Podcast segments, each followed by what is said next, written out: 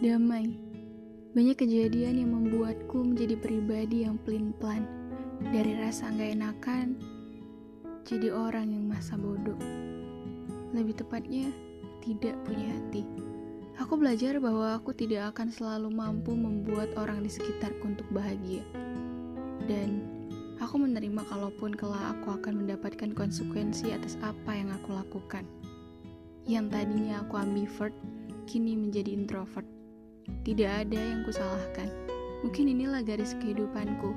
Terlahir menjadi seorang manusia yang pengalah dan efek sampingnya mungkin dapat menghancurkan kebahagiaan orang-orang di sekelilingku. Ya, inilah aku yang tumbuh dengan luka masa kecil yang tengah aku obati. Berusaha berdamai dan menerima keadaan yang terjadi. Kini, Aku hanya dapat berterima kasih pada diriku yang telah mampu kuat dan berjuang sampai detik ini. thank you